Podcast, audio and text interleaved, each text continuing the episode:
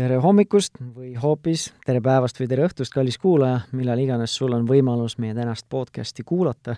see on Pere ja Kodu podcast, mina olen Tanel Jeppinen ja täna on meil teemaks natukene, ma ütleks, tõsine teema ähm, ja võib-olla isegi tabuteema. me räägime seksuaalvägivallast laste ja noorte seas. ja täna on siis selleks mul külaliseks Kai Part esiteks tere tulemast, Kai, aitäh, et sa meie jaoks aega võtsid! Tere, tere ja aitäh kutsumast! ja Kai siis ühineb meiega telefoni teel, kuna tema on praegu Tartus, mina olen siin Tallinna stuudios ja erialalt või siis igapäevatöölt tegeleb Kai seksuaalvägivalla kriisiabikeskuse teenuse äh, sisueksperdina ja lisaks on ta ka veel nais, naistearst ja õppejõud Tartu Ülikoolis äh,. on mingid on mingi oluline asi siin sissejuhatuses märkimata jäänud, mille, mida sa tahaksid veel välja tuua või see on kõige olulisem tänase teema kontekstis? jaa, ma tegelikult tahaksin mainida, et ma olen aastaid teinud koolitusi õpetajatele, nüüd ka lasteaiaõpetajatele eh, seksuaalharidusest ja seksuaalhariduse üheks osaks on tegelikult kujunenud nüüd ka see seksuaalvägivalla ennetus, nii et ma olen Äh, pidanud ka lugema kirjandust ja, ja õpetama seda teistele, et mis siis kõige paremini toimib selles seksuaalvägivalla võitluses. jah, see on ka minu töö olnud mm. -hmm. ja no see teema on selline, ma ei taha, ei oleks, ei ole väga vist meeldiv teema, sest äh, kõik, kui me, enamus, kes kuulavad või peaaegu kõik on äh, lapsevanemad ja mingil hetkel kui äh, loodetavasti peaaegu kõigil või kõigil niimoodi läheb, et need lapsed saavad kord ka eelteismeliseks ja teismeliseks, kus need teemad võib-olla veel rohkem äh, esile kerkivad, just see seksuaalharidus, mis muidu või, muidugi võiks alustada, alata ka varem, on ju, aga need teemad muutuvad järjest olulisemaks ja päevakajalisemaks ja mida vanemaks lapsed saavad, seda rohkem nad iseseisvuvad, tahavad nii-öelda meie silma alt eemal oma elu elada, nagu eelteismelised ja teismelised pidudel käia, oma sõpradega nii-öelda siis hängida jutumärkides. ja samas siis, äh, kui me räägime sellest seksuaalvägivalla teemast, siis see on ka selline teema, millest nagu väga süvitsi ei räägita, sest on raske teema. ja, ja samas nagu vanematele ka kergelt võib-olla ärevust tekitav või hirmutav ja üldse seksuaalharidus, kui sa ütlesid, et sa käid seksuaalhariduse teemasid ka äh, rääkimas, siis ega see seksuaalharidus ja seksuaalsed seks sellega seotud teemad vanematel on üldse sellist kohmetust tekitavad, see ei tule väga mugavalt, need vestlused. Eh, et siis proovime täna natukene, proovime siis neid teemasid avada natukene. ja alustuseks võib-olla sa, Kai, saad natukene laiendada, et mis siis, mis on seksuaalvägivalla kriisiabikeskus ja mis äh, abi või tuge ta pakub ja millega ta igapäevaselt tegeleb seksuaalvägivalla kriisiabikeskused on Eestis loodud nüüd kolm aastat tagasi ja praeguseks neljas kohas kenasti töötamas. mõnikord ka inimesed ütlevad mulle ja kolleegid ka, et et oi, et küll see võib raske olla, nii rasketel teemadel tegeleda ja töötada, aga aga ma mõtlen, et veel raskem on see, kui miski, mida on meie hulgas tegelikult sageli ja me sellest üldse ei räägi ja, või kui ohvrid ei saa üldse abi et tegelikult mina äh, ei koge sellist raskust selles töös, et ma tegelikult näen, et, et ähm, asjad hakkavad mõnikord hargnema ja mõni inimene läheb ikka palju sirgema seljaga meie juurest ära, kui ta meie juurde tuli, et see on igal juhul parem, kui äh, ignoreerida seda, et äh, meie inimestega toimub seksuaalvägivald ja, ja ikkagi parem tunne on alati mõelda, et nad saavad abi aga need seksuaalvägivalla kriisiabikeskused, need on siis Tallinnas, Tartus, Pärnus, Ida-Virus avatud. ja nad on haiglatega liidetud, sest et on oluline, et nad oleks kakskümmend neli tundi lahti ja sinna saab minna täitsa ise. Ehm, suur osa meie pöördujatest ongi noored, noored, ehm, nii teismelised kui ka üle kaheksateistaastased noored, on ka lapsi, on ka täitsa vanemas eas inimesi, aga suur osa on ikkagi just, võib öelda, noored põhiliselt naised, aga on ka nüüd juba esimesed meest, mehed, kes on pöördunud seksuaalvägivalla kriisiabikeskustesse. ja mõnikord on nii, et politsei, politseisse on esmaselt pöördutud ja siis tullakse meie juurde, mõnikord tullakse ise, teinekord on sõbranna teadnud, et kuule, nüüd on nii, et mina tean, et need keskused on ja lähme sinna, mõnikord tullakse emaga, tädiga, sotsiaaltöötajaga, nii et ja mõnikord ka täitsa ise üksinda ja peab tulema siis vastuvõttu ja, ja kuidagimoodi märku andma, et, et minuga on toimunud midagi tahtevastast või seksuaalvägivald või vägivald või et vastuvõtutöötajad nendes neljas haiglas, Tallinnas siis Lääne-Tallinna Keskhaigla naistekliinikus, Pelgulinna sünnitusmaja või Sõle tänava sünnitusmaja, et, et seal need vastuvõtutöötajad on kõik treenitud ja niipea, kui nad haistavad, et siin on keegi, kes on hädas ja tuleb pärast seksuaalvägivalda, et siis kohe hakkab see abi hargnema ja mm. seal äh, on siis võimalik äh, mitut asja ühe korraga teha, et aga ma lihtsalt ütlen, et see kõik on inimese soovil. Ähm, midagi ei tehta vastu tahtmist, et me kuulame ära, mis umbes on juhtunud, mõnikord ongi ebaselge, et ei mäleta ise või ei tea või on ainult kahtlus. ja, ja anname sellist psühholoogilist esmaabi, mis seisneb siis selles, et et küll on ikkagi hea, et sa oled jõudnud siia, et väga tähtis on see, et me leevendame süütunnet, ütleme, et süütunne on selle oma, kes, kes vägivallateo toime paneb. ja et nüüd lähevad asjad selles mõttes paremaks, et ma aitan sul leida abi. ja noh, see abi seal kohapeal siis seisneb selles, et, et me katsume siis võimalikult salvestada need noh, võimalikud vägivalla tõttu tekkinud vigastused, küllalt sageli neid üldse ei ole Äh, siis me kogume tõendmaterjali, mida saab hiljem menetluses kasutada, mm, isikut kindlaks teha, kes on selle teo toime pannud. Äh, ja, ja siis me ka näiteks mõnikord on mureks, et kas on soovimatu rasedus või võinud tekkida, saame SOS pildid anda. mõnikord on vaja alustada HIV kokkupuute järgset ravi, mis hoiab ära HIV nakatumise ja enamik nendest inimestest tuleb meile ka jätkutoele, nii et nad käivad tihtipeale kuude jooksul veel meie käest abi ja, ja, ja sellist tuge saamas. nii et ja siis see kogutud materjal jääb meie juurde haiglasse ja, ja kui nüüd inimene näiteks ei ole pöördunud siiani veel politseisse, aga pöördub hiljem, siis saab, siis ei ole aeg ka kaotsi läinud, siis on see ajakriitiline ähm, materjal kogutud ja, ja selle saab siis kasutusse võtta nii et niimoodi siis töötavad need seksuaalvägivalla kriisiabikeskused ja meil on üha rohkem pöördujaid, eelmisel aastal oli sada viiskümmend pöördumist ja sellel aastal tuleb kindlasti rohkem. Mm.. no eks täna püüame vähemalt rohkem või suurema osa sellest meie vestlusest keskenduda just sellele ennetuse poole peale, et mida me saame teha ja. oma noortega, oma, oma enda lastega aga miks mitte ka teiste noortega või lastega, kes on meie tutvusringkonnas, meie sugulaste, sugulased ja nii edasi, kuidas meie saame toetada ja äh, nii ohvreid kui ka siis neid noori, kes ei ole ohvrid ja et nad ei, või vähendada seda võimalust, et nad satuks ohvriks. aga enne, kui me selleni jõuame, siis ma tahaks natukene küsida ka, et kuidas teie siis äh, defineerite seda seksuaalvägivalda, et kas on need ainult need füüsilised äh, vägivallaaktid või ka läheb sinna alla mingi vaimne või emotsionaalne selline vägivald? no meie lähtume Maailma Terviseorganisatsiooni määratlusest ja selle järgi on see tõesti lai mõiste.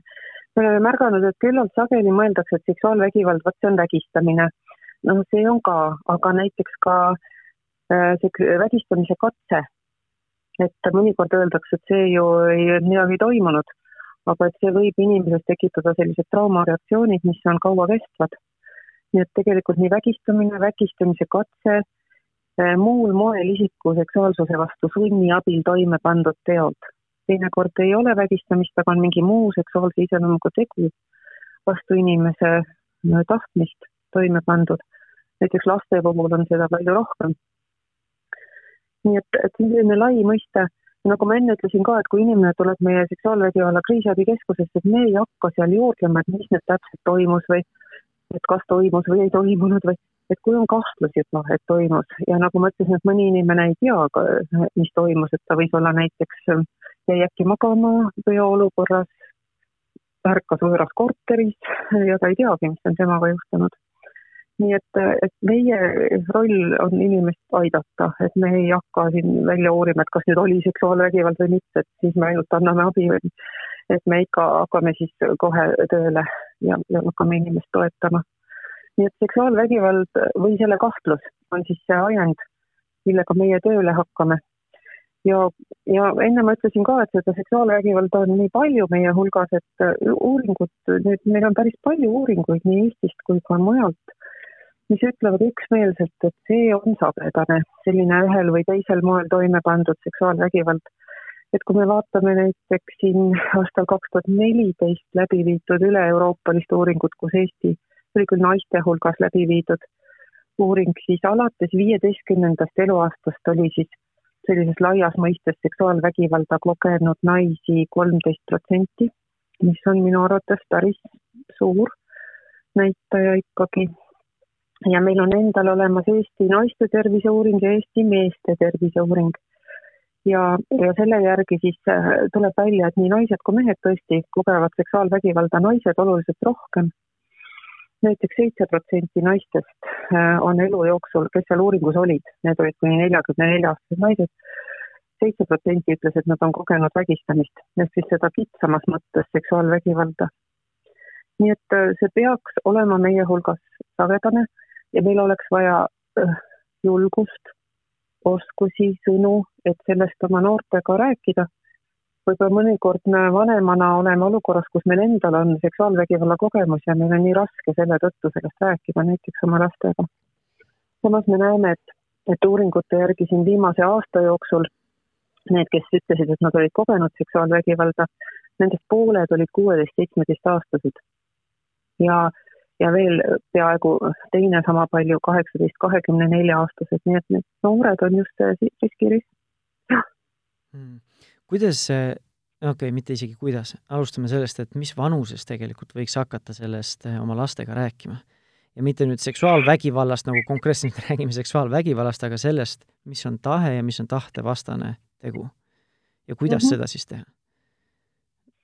et Maailma Terviseorganisatsioon ütleb, et selline no üldse laias mõttes seksuaalkasvatus ja selle koosseisus ka selline vägivallaennetus, see peaks algama alates sünnist.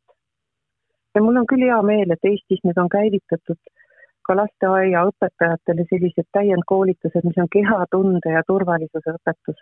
mõnikord on ka, nimetatakse seksuaalkasvatuseks ja, aga ma eelistaksin alati kasutada seda esimest nimetust, sest väga paljud inimesed lähevad nagu kuidagi murelikuks, et mis te nüüd räägite lasteaias siis kuidagi seksist lastele, et ei, et, et see nii ei ole, et lapse eas, lapse seksuaalsus, seal ei ole kohta sellisele täiskasvanud inimese naudingule ja kirele, vaid lapse eas on just oluline see oma kehatunnetus, selline eluterve rõõmus olemine oma kehas, turvalised suhted, õppimine, kuidas öelda ei, kui mulle mingi puudutus ei sobi või ei meeldi ja arvestama teise inimesega, kui, kui keegi mulle ütleb näiteks, et ära tee nii, et siis ma hakkan kuulama seda teist, et see on tähtis, teise inimese ei, seda on tähtis kuulata ja sellega arvestada.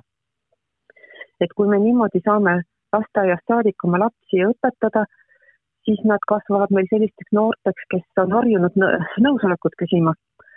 et iga asi, mis ma siis teen selles oma lähedases suhtes, et ma küsin enne, kas see sobib minu partnerile ja, ja mitte ainult ei küsi, vaid tegelikult ka kuulan ja arvestan selle vastusega. sest et kui ma ei, kui ma ei küsi nõusolekut, siis ma võin teha midagi, mida teine ei soovi ja ma võin pärast olla olukorras, kus mind süüdistatakse seksuaalvägivallas. nii et, et see peab olema maast madalast selline teadmise õpetamine ja andmine lastele, et sinu keha on tähtis, needsamad reeglid, ujumisriiete reegel, et nende ujumisriiete all on isiklikud kehaosad, need on teistmoodi, need on väga olulised sinu kehaosad. Need on teistmoodi kui teised kehaosad, mida me tavaliselt riietega ei kata. Et ainult laps võib otsustada selle üle, kes neid eh, isiklikke kehaosi vaatab, katsub või nendest isegi räägib. et kui selline kindel eneseväärikuse tunne on lapsele antud, siis kahtlemata ta julgeb rääkida, et keegi rääkis ebasobivalt minu isiklikest kehaosadest, näiteks keegi katsus neist, neid. ja, ja muidugi sinna lasteaia seksuaalkasvatuse juurde käib ka see, et, et oskus nimetada neid kehaosi nii, nagu ma oskan nimetada, et mul on käed ja jalad ja nägu, nii ma oskan ka öelda, et mul on peppu ja võib-olla tüdrukutel lapsepäraselt nimetades on tussu ja poistel on nokku ja siis on veel need rinnad või tissid lapsepäraselt, et vot need on need isiklikud kehaosad.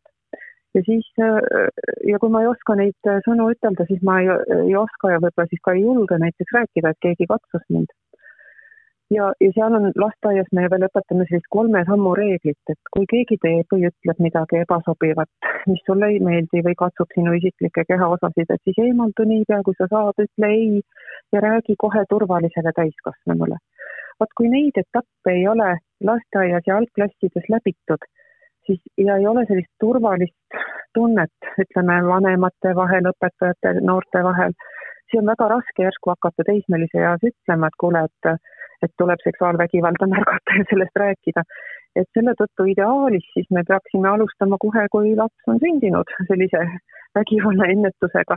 Ja kusjuures mitte jätma siis tähelepanuta sellist elutervet lapse seksuaalsust, rõõmus olemine oma kehas, turvalised suhted, sõprussuhted, et see on siis see lapse hea seksuaalne maailm mm, -hmm. mida me täiskasvanutena saame toetada no see tundub kõik õige, sest et enamus vanemad, ma arvan, et kes kuulavad, ütlevad jaa, ma pole võib-olla seda kõike teinud, aga see tundub õige ja ongi eluterve. kas on, oskad mm -hmm. sa mhm. mingeid ressursse jagada ka, et kus lapsevanemad saaksid seda informatsiooni, et kui näiteks meie lasteaias ei toimu neid, eh, neid õpetusi või ei, ei jagata neid, et ja see võiks nii või teisiti al alustada või alata ju kodust, et kus vanemad saaksid selliseid ressursse või nendele ligi? jaa vabandust, mul on kohe nii hea meel, et ma hakkasin sulle juurde hõikama, et, et meil on Tervise Arengu Instituudil on selline kodulehel selline alamleht nagu Tark vanem ja seal on ka seksuaaltervise alane rubriik.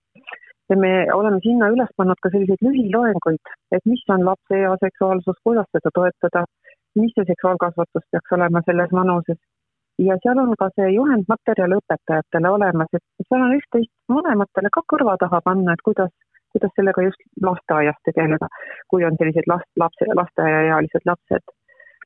Ja aasta jooksul on Tervise Arengu Instituut neid koolitusi õpetajatele teinud ja ma tean, et on plaan jätkata, nii et ja õpetajad on ise hästi innuga juures olnud, me oleme saanud tõesti ainult positiivset tagasisidet nendelt koolitustelt.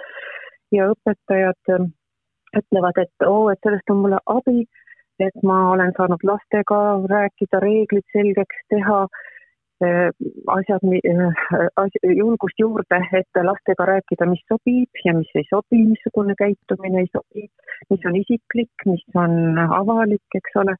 nii et lasteaiaõpetajad on leidnud, et sellest juhendmaterjalist on neile abi, sest et meie ei ole omal ajal äh, diplomieelses õppes sedasorti õpetust saanud ja, ja lapsevanemaks me ka õpime ju, eks ole, nii et sellised, selline allikas nagu see tark vanem on täitsa olemas ja seal on see seksuaalkasvatuse rubriik olemas. väga vahva. aga oskad natukene siis avada ka seda, et kui nüüd kuulajal tegelikult on juba eelteismeline või juba teismeline, et ta ei saa tagasi minna ja lasteaia vanuses lapsele siis neid teemasid tutvustada ja, ja kui nüüd see vanem mõtleb, et ma tegelikult ei ole oma teismelisega rääkinud nendel teemadel, et need teemad võib-olla on sarnased, aga mis siis on, kas siis eripära või äh, või kuidas siis läheneda vanemale lapsele äh, nende samade teemadega, et äh, temaga neid teemasid arutleda või arutada mm? -hmm et ähm, kui me siin uuringuid vaatame, siis me näeme, et tegelikult teismeliste hulgas suur osa seksuaalvägivallast, mis toime pannakse, on toime pandud kas ähm, poiss ähm, sõbra poolt või mingi muu tuttav või varasemalt ähm, sõber või ähm, väga harva on see võõras inimene täitsa. ja sa enne ütlesid ka, et noortel tekivad käimissuhted, mis on täitsa loomulik seksuaalse arengu etapp. ja, ja, ja vot siin me nüüd võime jõuda sellise kohani nagu või mõisteni nagu kohtingu vägivald. et on leitud siis, et osad suhted juba algusest peale sisaldavad endas siis sellist kontrollivast, kontrollivat käitumist noh, täiskasvanute puhul me räägime, eks ole, lähisuhtevägivallast või perevägivallast ja mõnikord meile meeldiks mõelda, et noorte suhted on sellest vabad, et seal ei ole sellist nähtust. aga tuleb välja, et tegelikult selline kontrolliv käitumine algab juba siis, kui need suhted teismelise eas pihta hakkavad. ja, ja uuringute järgi näiteks siin Eestis paar aastat tagasi tegime sellise uuringu, et jaa, et löömist paari suhtes seda loeti vägivallaks ja ja isegi võib-olla sellist sõnadega sõimamist või alandamist, aga just selline kontrolliv käitumine, püüe sundida kedagi tegema midagi, mida ta ei taha või kuidagi pähe istuda või sundida või survestada ja võib-olla see käib sellise vaikse alaväärtustamise või alandamise saatel. Ja kasutatakse hirmutamist või manipuleerimist, ähvardamist, sina ära enam oma sõpradega kokku saa, ainult kui sa mind tõesti armastad, siis ole minuga ainult. Et see on siis selline eraldamise püüd, et vot seda ei osatud nagu näha sellise noh, vägivallaliigina paari suhtes ja, ja see on oluline meie noortele sellest rääkida, võib-olla ka vanematel ja, ja rääkida nendest lähisuhte ja paarisuhte vägivalla juhtumitest, mida meil siin Äh, meedias ju avaldatakse ja, ja arutada nendega, et mis see siis on või mis nähtus see siis on, kui keegi kedagi kuidagi manipuleerida äh, proovib, et kas see on terve ja turvaline suhe. et, et terve ja turvaline suhe peaks ju olema selline, kus partnerid äh, tunnevad mõlemad vastastikku, et eriarvamuste korral on näiteks võimalik neil väljendada oma vaateid ja seisukohti ja teine austab samal ajal teist partnerit, nii et et vahet tegema, et mis on siis nüüd see terve ja turvaline suhe ja milline on nüüd see suhe, kus võib-olla siis selline äh, kontrolliv käitumine. Ja näiteks kui vanemana sa märkad seda, et sinu äh, lapsel on selline, tema sellises noores suhtes on sellised märgid, et siis, ähm, siis väljendada oma muret, rääkida sellest oma lapsega. Ja, ja, ja näha neid ohumärke, nii et, et mitte mõelda või silmi kinni panna, et et minu lapsel seda olla ei saa, et meil on siin Eestis ju juhtumeid ka, kus on tekkinud sellises noores suhtes väga tõsine lähisuhtevägivald ja ja, ja lõpuks siiski on vanemad olnud need, kes on alati saanud appi tulla tihtipeale. ja mida saavad sõbrad ja, ja pereliikmed teha üldse taolises olukorras, et alati siis ähm, me ei tohiks mõelda niimoodi, et see on selle lapse enda või noore enda probleem, et et kui me ikka märkame, et selles suhtes esineb kontrollivat käitumist või vägivalda või, või seksuaalvägivalda, et siis me sellele reageerime ja otsime kohe üheskoos abi hmm..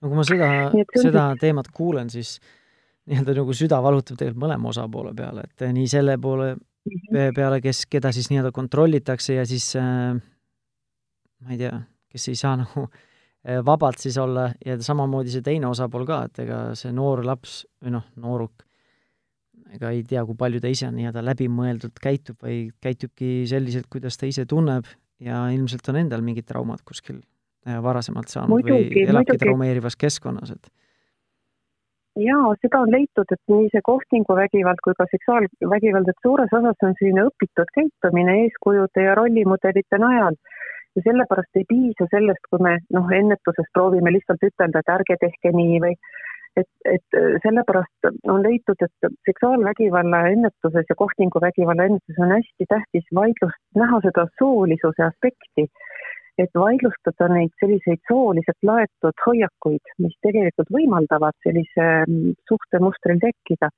et ähm, koolides ma võin lapsevanematele öelda, et, et on käimas ka selline kohtinguvägivalla ennetamise programm siseministeeriumi ellu kutsutuna kus siis õpetajatel on valmis tunnid ja juba antakse neid tunde. Ja seal nendest tundidest kaks tundi pühendatakse kohe sellistele soostereotüüpidele, mis tegelikult hoiavad alal sellist suhtemustrit, et mõned, ma siin nimetan, et, et vaieldakse siis õpetajad käivitavad vaidlused või väitlused noorte hulgas, noh näiteks sellised, et kui noormees teeb neiule välja, siis peaks neiu olema vastutulelik noormehe soovidele ja, ja noh, ühises arutelus tuleks siis välja jõuda umbes mingisugusele sellisele seisukohale, et väljategemine ei tähenda õigust nõuda vastuteeneid ja kohustust olla vastutulelik väljategija soovidele. ja et on täitsa loomulik, et neiu maksab ise, iseenda eest ja keegi ei peaks vastu võtma kingitusi, mille eest oodatakse vastuteeneid. et noh, siin juba tekib see, eks ole, võlgu olemise ja väljategemise moment et võidakse ju, me oleme näinud küll siin noori, kellele on öeldud, et, et ma annan sulle kümme eurot ja nüüd sa oled mulle midagi võlgu ja oodatakse nagu seksuaalteeneid. või siis näiteks, et kui poiss tunneb valu või kurbust, siis ta ei peaks seda välja näitama paari suhtes. ja siis oleks hästi hea, kui noored jõuavad välja selle arutelus selle kohani, et, et oma kõikide tunnete väljendamine ennast ja teisi mitte kahjustaval moel on loomulik ja lubatud nii poistele kui ka tüdrukutele nii et, et sellised arusaamad. Ja, ja siis näiteks, et poisid peavad olema suhte algatamisel aktiivsem pool. Ja, ja tihti ma olen näinud, et noored jõuavad, et ei, et see ei pea nii olema, et, et nii tüdrukud kui ka poisid võivad algatada suhte. Ja no siis see kah-, klassikaline, et tüdrukute ei tähendab tegelikult võib-olla või jah. Et see on hästi selline kirgi küttev väide alati, et, et lõpuks siis oleks väga-väga tervislik, kui mõeldaks niimoodi, et tüdrukute ei tähendab ei, nii nagu ka poistel, eks ole. et noh, need on need sellised võib-olla need sellised eeskujumudelid või kuskilt ammutatud, kas siis isiklikust päritoluperest või, või ühiskonnast, et mis survestavad poisse ka käituma niimoodi, teinekord vägivaldsemalt, eks ole. mikspärast siis öeldakse, et seksuaalvägivald ja kohtinguvägivald on soolise iseloomuga, ohvrite hulgas on rohkem tüdrukuid, aga sealhulgas on ka ikkagi mehi, seksuaalvägivalla ohvreid. sageli nende toimepanijateks on ka mehed kantuna ikkagi nendest samadest hoiakutest ja, ja tegelikult muidugi tuleb mõelda ka nende võib-olla noorte meeste peale, kes, kes ei ole, ei os-, oma neid oskusi nõusolekut küsida, käituvad niimoodi matšulikult, eks ole, et, et alati peab olema võimalus ka neile aru saada oma teost, vabandada, ütelda, et sellise, selline käitumine ei ole paari suhtes alati kunagi lubatud ja otsima abi samamoodi nii et, ähm, et see ei, ei tähenda nüüd sellist igavesti hukkamõistu ja et samamoodi peab olema abi kättesaadav siis ka sellise vägivaldse käitumise puhul. et jah, et muidugi siin on kaks poolt ja ja, ja mõnikord ma murega kuulan, kuidas öeldakse, et, et noh, et kuidagi, et tüdrukutele nüüd turvareeglid, et kuidas peab ennast kaitsma ja hoidma seksuaalvägivalla eest, et täpselt samamoodi me peaksime oma lastele ütlema, et, et ära tee, ära tee midagi sellist, millest sa pole kindel, et teine on absoluutselt nõus. ja kui ta on purjus või joobes, et siis ta ei saa sulle anda nõusolekut. et noortele me ju õpetame seda, et kui on kui on sinu kaaslane jäänud näiteks joobesse peol, et mida, mida ta vajab? ta vajab turvalist olemist, võib-olla stabiilset kü-, külili asendit esmaabi mõttes, eks ole, ja igal juhul ta ei vaja seda, et keegi teda ära kasutab. et selline sõber tuleb kas talutada koju või keegi valvab, et ta toibub ühel hetkel, eks ole, ja hoida, mitte jätta üksi ja mitte lasta tekkida olukorral, kus keegi saab näiteks joobes noort ära kasutada nii et see käib ka muidugi nende turvalisuse reeglite järgi, reeglite juurde. ja, ja muidugi me saame oma noortega ka kokku leppida, kui meil on head suhted, et siis me lepime kokku, et ähm, anna mulle teada, kui sa tulema hakkad, katsu tulla kellegagi koos, kindlad äh, kojutuleku kellaajad ikkagi kokku lepitud. et see kõik muidugi aitab, et äh, ja, ja alati see sõnum, et ükskõik, mis sinuga juhtub, et, et sa võid tulla alati minu kui vanema juurde ja ma aitan sul selles segaduses orienteeruda ja aru saada, mis nüüd peab tegema, et, et me oleme näinud ka noori, kes ütlevad, et et mu isa ütles mulle, et kui sul midagi juhtub, siis ära koju nutma tule, et, et see ei ole muidugi selline tervislik sõnum vanemate poolt noortele, et kui, et peab olema selline tunne, et ükskõik, mis juhtub, ma saan minna ja, ja mind aidatakse. Mm no kui sa sellest äh, koolitundidest rääkisid, kus siis neid diskussioone esile äh, kergitatakse või mm -hmm. tõstetakse noortele, siis ma näen, et see võib kindlasti avada mingeid selliseid suhtlusliine, võib-olla aitab noortel mõelda asjadele, mille nad tegelikult igapäevaselt ei ole mõelnud, võib-olla ei ole kunagi mõelnud, võib-olla ei ole kellegagi arutlenud, pole isegi mõelnud, mis mu seisukoht on, võtan automaatselt lihtsalt mingid, mingid suhtumised üle, aga kui paljudeni need teemad ja need vestlused tegelikult jõuavad ja mida me saame siis ise kodus ära teha, need, just nendel samadel temaatikatel ja, või noh, mm. nendel samadel teemadel. ja siis noh, ja eks see kõige suurem küsimus on, et kuidas jõuda siis tegelikult nende noorteni, kellel ei ole vanemaid, kellel, kes tähtsustavad seda ja kes räägivad nendel teemadel sa ise vastad kõik oma küsimused ilusti ära, et sellepärast peabki seda tüüpi ennetustööd tegema koolis, et kõikidel noortel ei ole selliseid vanemaid, kes oleksid valmis nendel teemadel rääkima ja niimoodi toetama et, et selle tõttu peab see koolis olema, aga koolis nüüd neid kohtinguvägivalla tunde ma tean, et on umbes kolm aastat läbi viidud, et, et ma olen täitsa kindel, et ühel hetkel see annab efekti ka. kas see tõesti on praegu hakkasime... kõikides eh, põhi- või keskkoolides või, või on see mingi regionaalselt või mingil tasemel või? Et kolme aasta jooksul on tehtud neid koolitusi ja siis see tähendab seda, et see on jõudnud teatud hulga õpetajateni. et see ei saa niimoodi ühe korraga käia, et see võtab aega, et kuni õpetajad tulevad, õpetajate kaader ju ka muutub aeg-ajalt ja, ja et see võtab teatud arvu aastaid aega, enne kui on mingi kindel arv õpetajaid koolitatud ja tõesti rakendavad neid asju koolitundides. et kui me seda materjali piloteerisime, siis me nägime, et juba kolme tunni eh, läbiviimine oluliselt muutis noorte hoiakuid. Eh, niisiis neid sooga seotud hoiakuid kui ka vägivalda mitte lubavaid hoiakuid, et hakati nagu märkama seda, et aa jaa, et see kontrollimine suhtes, see on ju ka tegelikult vägivalla liik et ma olen täitsa veendunud, et sellel on efekt, aga noh, et need asjad on protsessina niimoodi, võtavad aega, et see ei saa niimoodi ühe korraga toimuda. ma lihtsalt saan öelda, et kõikidest Eesti piirkondadest on õpetajaid osalenud nendel koolitustel ja meil on selle aasta lõpus Haridusministeeriumi toel plaanis teha ka selline e-kursus, et vaata nüüd eriolukorra äh, ajal ei ole saanud kontaktkoolitusi teha, aga et e-kursusel, kus õpetajad peavad ka neid arutelusid läbima ja selline pikk äh, ja panustamist nõudev kursus, noh, selles mõttes pikk, et mitte tund aega, vaid ikka kaheksatunnine kursus. et, et me saame ikka jätkata nende koolitustega, nii et loodame, et see jõuab üha rohkemate õpetajateni ja sealtkaudu ka õpilasteni. Ja, ja me, meil on juba tõendus olemas, et sellest on kasu, jaa. Mis sinu sõnum on praegu sellistele proaktiivsetele lapsevanematele, kes äh, ei taha jääda ootama või lootma sellele, et äh, et koolis eh, neid asju tõstatatakse või neid teemasid ja tahavad ise üks asi nagu nendel teemadel rääkida lapsega, aga samal ajal ju see mingil määral aitab ka seda suhet lapsega võib-olla parandada või isegi hoida heal tasemel ja hoida seda usaldust, et näed, ema või isa on see, kellelt saada seda informatsiooni. et mis, mis on sinu sõnum nendele proaktiivsetele vanematele? hästi, hästi tahaks, et selliseid vanemaid oleks ja võimalikult palju, et kui guugeldada terved ja turvalised suhted, selliseid sõnu, kool on kohtinguvägivalla ennetamine, siis need õpetajatele mõeldud materjalid on vabalt veebis olemas.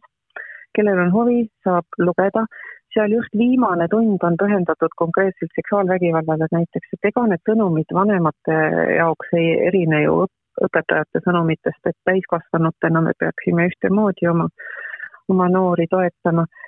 ja et seesama nõusolek, seesama ohumärkide märkamine, seesama, et kui sa märkad, et su sõber kuidagi on jäänud äh, isolatsiooni pärast seda, kui tal tekkis imetore äh, kohtingupartner ja ta ei suhtle enam, ta on jätnud oma hobid sinna paika, ei käi enam spordiringis, ei tulnud enam minu sünnipäevale nagu harilikult.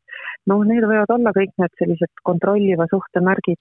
et siis ikkagi ol-, anda see sõnum, et ma olen olemas, ma tunnen muret su pärast ähm,, olen valmis sind iga kell kuulama, ei ole su peale pahane, et sa mu sünnipäeval ei tulnud. ja, ja vanemana täpselt samamoodi. et ähm, et, et siis jah, nendest materjalidest täitsa juba saab tänapäeval sellise asjaliku tänapäevase toe see vanem, kes tahab äh, kohtinguvägivallast rääkida oma noorega või, või vestelda sellel teemal mm. -hmm. ma tegin kiire, kiire Google'i otsingu, et ma kiire, kiiresti, jah, jah. ma lihtsalt tegin kiire Google'i otsingu, et siis Eesti Seksuaaltervise Liidu kodulehel on see õppematerjal PDF-ina olemas ja, täiesti. jaa, see on seal olemas, aga nüüd on juba uuendatuna, nii et on äh, Äh, tegelikult ähm, mm, teistel kodulehtedel ka, Tartu Ülikooli Seksuaaltervise Uuringute Keskuse kodulehel pääseb uuendatud materjalile ligi. ehk siis võtmesõna, mida otsida, on terved ja turvalised suhted? terved ja turvalised suhted ja sealt materjalist te leiate lingi ühele mm, noortefilmile, Suurbritannia film on see mm,, Spiraal, see on Youtube'is olemas nii eesti kui venekeelsete subtiitritega ja seal on nüüd ühe suhtelugu, ühe noore inimest, noorte inimeste suhtelugu, kus on kõik need kohtinguvägivalla komponendid sees väga mõtlemapaneval moel. et seda filmi on väga positiivselt hinnanud nii noored kui ka õpetajad, nii et see on tegelikult seal tunni, tunni materjali osa, seda filmi näidatakse ka koolides. aga miks mitte proaktiivsetel lapsevanematel seda vaadata, seda filmi ja pärast arutada ka oma teismeliste lastega. väga vahva nii et eh, kellel huvi on, siis, eh, siis leiab ka need materjalid ja leiab selle info, kuidas nendel teemadel kodus eh, toimetada. jaa. ja siis muidugi see väga oluline, et iga, tahaks jõuda kunagi selleni, et igaüks teaks, et on olemas need seksuaalvägivalla kriisiabikeskused. et ennetust meie silmade poolt vaadates on mitut liiki, et üks ennetus on see, et seda seksuaalvägivalda üldse tõesti ei toimuks. Aga kui see juba on toimunud, siis me saame nii palju ennetada sellest lähtuvat tervisekahju et kui õigel ajal inimene saab abile, ta saab need sõnumid, et sa ei ole süüdi selles, mis toimus, sa saad abi, sa jälle tõused jalgadele, ähm, on võimalik ükskord jälle tunda ennast tervelt ja õnnelikuna. Ja et, et see hoiab hästi palju tervisekahju ära, see on selline sekundaarne ennetus. nii et, et oluline on võimalikult ruttu pöörduda, et igaüks teaks, et kui sul on olnud seksuaalvägivald või sa kahtlustad seda, et ära söö, ära pese, kui võimalik, pöördu võimalikult aega viitmata sellesse seksuaalvägivalla keskusesse, et just on nende tõendite kogumise huvides, et ei, et mitte aega kulutada. mida rohkem ööpäevi möödas, seda väiksema tõenäosusega saab neid ähm, kohtumeditsiinis tõendmaterjali koguda. ja noh, SOS pillid on kolm ööpäeva ja, ja samamoodi see HIV ravi on kolm öö, kolme ööpäeva jooksul tuleb alustada. nii et mida varem pöörduda, seda parem, nii et et sellist, selline info ka meil vanematena oleks olemas. mõnikord ju noored pöörduvad oma sõbranna ema poole hoopis sellise murega näiteks mm. -hmm. see on väga hea, et sa selle välja tõid, et kõik ongi, et nagu ma alguses ütlesin ka, et mitte ainult enda lapsed, aga kõik need teised enda laste sõbrad, et nende eest samamoodi hoolitseda või lihtsalt vaadata ja lihtsalt olla teadlik nendest asjadest. ja praegu on need kriisiabikeskused Tartus, Tallinnas, Pärnus ja Ida-Virumaal on mis linnas? Ehm, see on Jõhvi servas, aga aadressi järgi on see Kohtla-Järve, nii et see on Ida-Viru Keskhaigla mm, -hmm. et äh, see peahoone, jah. ja kui keegi on näiteks nendest äh, keskustest eemal, siis kindlasti telefoni teel saab ka mingeid suuniseid? ja see telefon siis võiks olla see ohvriabi äh, vägivalla kriisiabi telefon üks, üks, kuus, null, null, kuus, et see võiks olla selline oluline, oluline telefon meeldejätmiseks ja kui ei jää muud meelde, siis palun abi ee see on see koht, kus, kus hakkab hargnema abi ka seksuaalvägivalla ohvrile või kui ma kahtlustan seda. sealt leiab need telefoninumbrid ja aadressid üles. väga hea. me hakkame nüüd otsi kokku tõmbama, et jõudsime katta siit-sealt natukene igalt poolt. Äh, kas on, on midagi väga olulist jäänud ütlemata, mida sa siin lõpus tahad kas uuesti välja, eraldi veel välja tuua või siis rõhutada? et ja, et ma läheks selle teema juurde tagasi, et sa ütlesid, et see on selline tabuteema, et osaliselt on ja osaliselt enam ei ole ka ja minul on nii hea meel selle üle, et Eestis me juba räägime nendel teemadel, et näiteks sina kutsusid mind siia podcast'i esinema. et, et see on nii oluline, et, et see näitab juba, et me terveneme sellest tõvest, et, et kui me asjadest räägime, siis me saame ka abi ja ja siis ei tundu see nii üksik ja nii õnnetu selles oma mures, sa mõtled, et ma olen ainukene maailmas, kellele see on juhtunud, et kui sa ikkagi näed ja kuuled, et on veel teisi ka ja et ikkagi lõpuks on võimalik pea püsti ja saba püsti minna uksest välja, et, et see on see, mis annab just jõudu ohvritele ja, või nendele üleelanutele, õigemini oleks õige öelda ja mis annab selle väga tugeva signaali, et ära tee, ära tee midagi, millest sa kindel ei ole, et see on vastuvõetav teisele. et see aitab kõiki, nii neid potentsiaalseid toimepanijaid kui ka neid, kes on üle elanud seksuaalvägivalla puhul. nii et olgu meil jõudu ja tahtmist rohkem rääkida, et me ei paneks pead liiva alla ja mõtleme, et oi kui hirmus teema see on, vaid et ikka võtame siis selle teema laua peale ja arutame kohe rahulikult läbi, et see kindlasti aitab meie noori. väga vahva ja käime need uuesti need kohad ka üle, et on palunabi.ee ja telefon üks, üks, kuus, null, kuus või jäi mingi number puudu? üks, üks, kuus, null, null, kuus, seal on kaks nulli, üks, üks, kuus, null, null, kuus, jaa. et need on need telefonid ja see veebileht, kus siis eh, saada abi just kriisi puhul ja need kriisiabikeskused või need, jah, kriisiabikeskused on, eh, need on siis eh, Jõhvis, Kohtla-Järvel või seal ühes nendest Tallinnas, Pärnus ja Tartus ja selle hariduse poole pealt ja ennetuse poole pealt, kui guugeldada äh, terved ja turvalised suhted. just, et nende märksõnadega leiad need materjalid. jaa, just. väga vahva suur,. suur-suur aitäh sulle, Kai, et sa tulid oma ekspertiisi ja oma mõtteid jagama. aitäh ja jõudu, edu! nii, ja aitäh sulle ka, kallis kuulaja, et sa võtsid aega, et äh, kaasa mõelda äh, ja, ja enda laste ja enda pere peale mõelda ja kui see tänane teema läks sulle, läks sulle korda, siis kindlasti jaga seda ka oma sõprade, nende peredega, kellele see võiks korda minna. ja meil on praeguseks juba üle, no mitte üle, kohe-kohe varsti sada saadet juba arhiivis, kus, mis, mille käigus me katame kõiki erinevaid teemasid, alates sellest, mida me täna rääkisime, laste kasvatusega seotud teemadest, partnersuhetega seotud teemadest ja nii edasi. ja need kõik varasemad podcastid leiad sa oma podcasti nutitelefoni rakendusest, Spotify'st või siis Delfi ning Pere ja Kodu veebiväljaandest. nii et vaata neid varasemaid saateid ka. ja kui sa oled suur podcasti kuulaja, siis kindlasti vaata ka minu sooloprojekti Rahumeelse vanemluse podcast. aga aitäh veel kord kuulamast ja järgmise korrani, tšau!